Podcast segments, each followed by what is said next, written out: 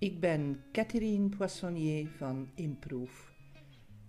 Ik ben psycholoog, coach en trainer in persoonlijke ontwikkeling. En ik begeleid solopreneurs, middel- en hoger management, bedrijfsleiders en vrije beroepers.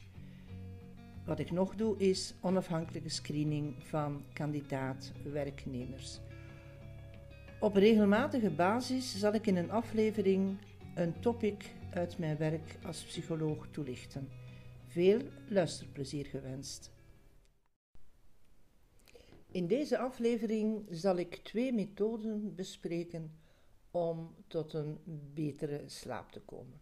Nogal wat cliënten die zich bij mij melden zeggen dat zij slecht slapen. Slapen zou normaal gezien een leuke bezigheid moeten zijn, uh, iets aangenaams uh, waardoor je s'morgens fris terug op kan staan en je activiteiten kan starten. Maar voor nogal wat mensen is dat uh, niet het geval. En kijken zij reeds s'avonds op, er tegenop om in bed te gaan liggen, want het wordt uh, vast wel weer zo'n uitputtingsslag van liggen, woelen, frustratie, terug opstaan en uiteindelijk de uren gaan tellen van oei ik zal morgen weer niet uh, in staat zijn om een normale dag door te komen. En dat cumuleert dan en op termijn uh, gaan ze dan inderdaad vaak een arts consulteren. Dan krijgen ze ook wel vaker slaapmiddelen of uh, een andere medicatie in de hoop dat op die manier hun slaap wordt gereguleerd. Zo ging het ook bij de cliënten die ik recent heb begeleid. reeds twee jaar keek ze elke avond eigenlijk op tegen de nacht want ze lag uren wakker, kon de slaap niet vatten, werd gedurende de nacht ook vaak wakker eens ze dan sliep, maar dat bleef ze urenlang eh, woelen en s ochtends poogde ze dan wat slaap in te halen door pas om half tien of tien uur op te staan, wat natuurlijk al uh, halfweg de voormiddag is en waar ze dan de frustratie had dat ze haar activiteiten die ze moest doen niet gedaan kreeg. Mijn cliënten rapporteerde dat ze eigenlijk ook nooit het gevoel had echt uitgeslapen te zijn. Uh, reeds twee jaar nam ze diverse slaapmiddelen en er zaten uh, inslaapmiddelen bij, doorslaapmiddelen, angstremmers enzovoort. En dat leidde soms kortdurend tot een zeker resultaat, maar dat was nooit beklijvend. En bovendien weet je waarschijnlijk al dat de slaap die men bekomt door een slaapmiddel te nemen um, subjectief wel goed is, men slaapt. Um, ook niet altijd, maar als men slaapt, um, dan is de kwaliteit van de slaap een stuk minder goed dan uh, dat het geval is bij natuurlijke slaap. Een drietal weken voor mijn cliënten op vakantie vertrok, kwam ze nog eens op consultatie. En ze vertelde dat ze ook op vakantie uh, vaak niet kon slapen. En dan ben je natuurlijk beperkt. Je kan niet even naar je living gaan of uh, beneden waar rondlopen. Je hebt alleen je kamer en dat was natuurlijk niet zo prettig vooruitzicht. Ik zei toen dat ik dacht dat ik wel eens de oplossing voor haar uh, kon hebben. de enige voorwaarde was dat ze rigoureus mijn twee methodes volgde. Wat hebben we dan gedaan? Ik heb doorgevraagd naar het aantal uur dat ze effectief slaapt. Dus naar eigen inschatting sliep mijn cliënten al bij al slechts uh, 3,5 uur per nacht in kortere of langere fasen. En die 3,5 uur werd op deze, binnen deze methode onze basis voor de eerste drie nachten. Dus wat moest de cliënte doen? Zij moest wakker blijven tot 3 uur 30 s'nachts en moest opstaan om 7 uur s morgens, onafhankelijk of ze had geslapen of niet, onafhankelijk of ze nog zin had om verder te slapen. Dus tot 3,5 uur s'nachts uh, moest ze wakker blijven, mocht ze ook niet in bed gaan liggen. Ze mocht wel wat lezen, wat, wat rommelen, eventjes tv kijken. Um, maar zelfs al was ze moe, uh, moest ze wat ik noem schaarste creëren en mocht ze pas om 3 uur, 3 uur 30 in bed gaan liggen. Zelfs de eerste nacht sliep mijn cliënte ongeveer meteen in en werd om 7 uur door de wekker gewekt. Dit regime, dus deze schaarste, moest ze drie nachten volhouden. Dus overdag mocht ze ook geen dutjes doen. En op dag drie kreeg ze het krap lastig overdag, maar ze zette gelukkig door. De vierde nacht mocht ze een half uurtje eerder naar bed. Ze sliep toen van drie tot zeven uur. En ook dat regime, ook deze schaarste, moest ze drie dagen volhouden. Het doel van deze methode is eigenlijk schaarste creëren en je neurologie, je systeem leren dat jij beslist wanneer je slaapt.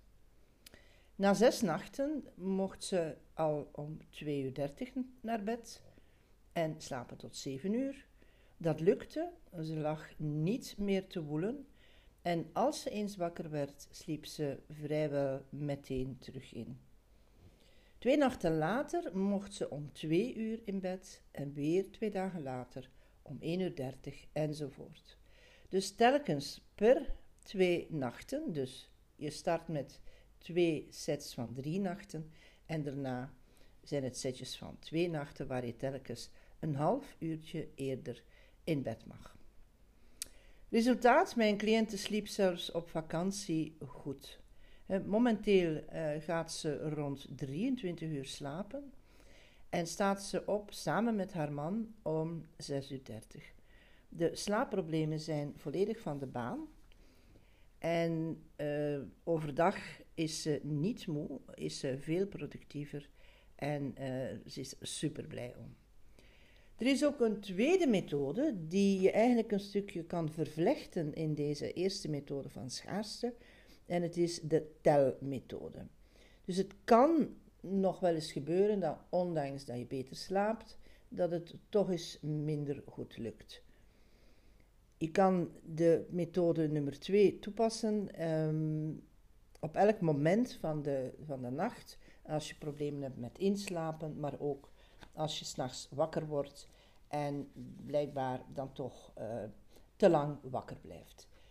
Het is een heel eenvoudige methode. Je start bij het getal 50 en je telt af van 50 naar 49, naar 48, 47. Maar je gaat er telkens een stipje tussen zetten. Dus het gaat als volgt: 50 stip, 49 stip, 48 stip, 47.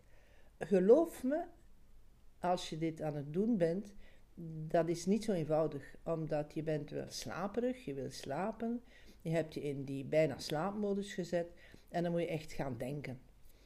En dus die hyperfocus daarop maakt dat er iets in de neurologie gebeurt wat bevorderlijk is voor de slaap. Dus het gebeurt wel vaak dat mensen plots aan nummer 35 zijn en dan weer 49 en dan weer 20 en dat ze er niet meer aan uit kunnen en poef, gewoon in slaap vallen. Maar dus je start bij 50, je zegt 50 stip, 49 stip, 48 stip enzovoort. En zo ga je tot 0.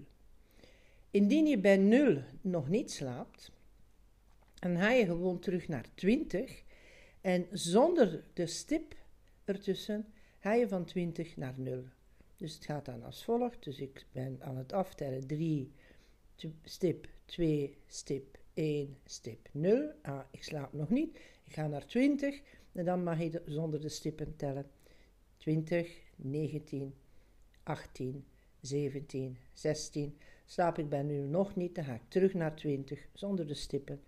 En uh, geloof me, in de meeste gevallen uh, kom je daar zelfs niet en slaap je eerder.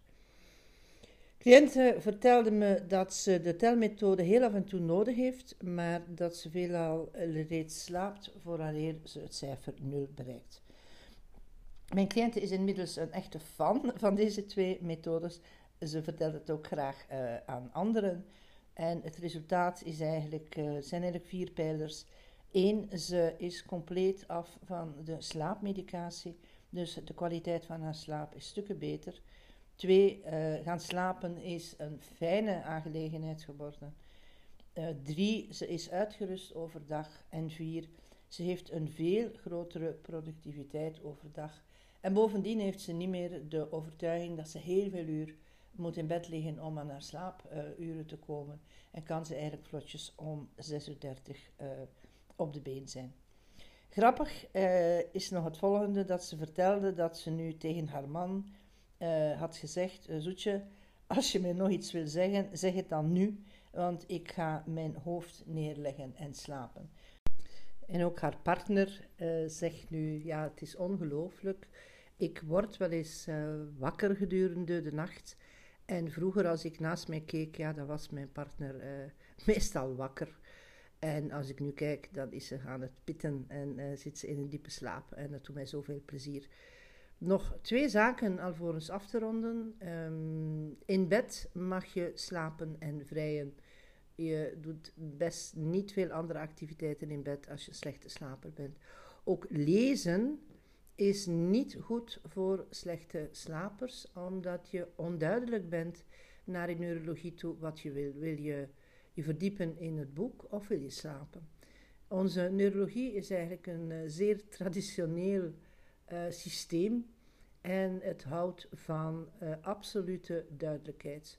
En, um, een ander element is als je gewend bent om wat te lezen in bed en dan zo stilletjes aan in slaap dommelt, leer je eigenlijk ook om je neurologie um, in een slaaptoestand te brengen bij het lezen. Wat natuurlijk maakt als je overdag leest, dat het ook soms moeilijk wordt om je te blijven concentreren. Dus ik ben geen voorstander van lezen of uh, foto's inplakken of wat dan ook, of social media in bed. Natuurlijk, als je een goede slaper bent, dan kan dat allemaal. Uh, ja, er zijn mensen die nog nooit slaapproblemen hebben gehad, ze bestaan ook.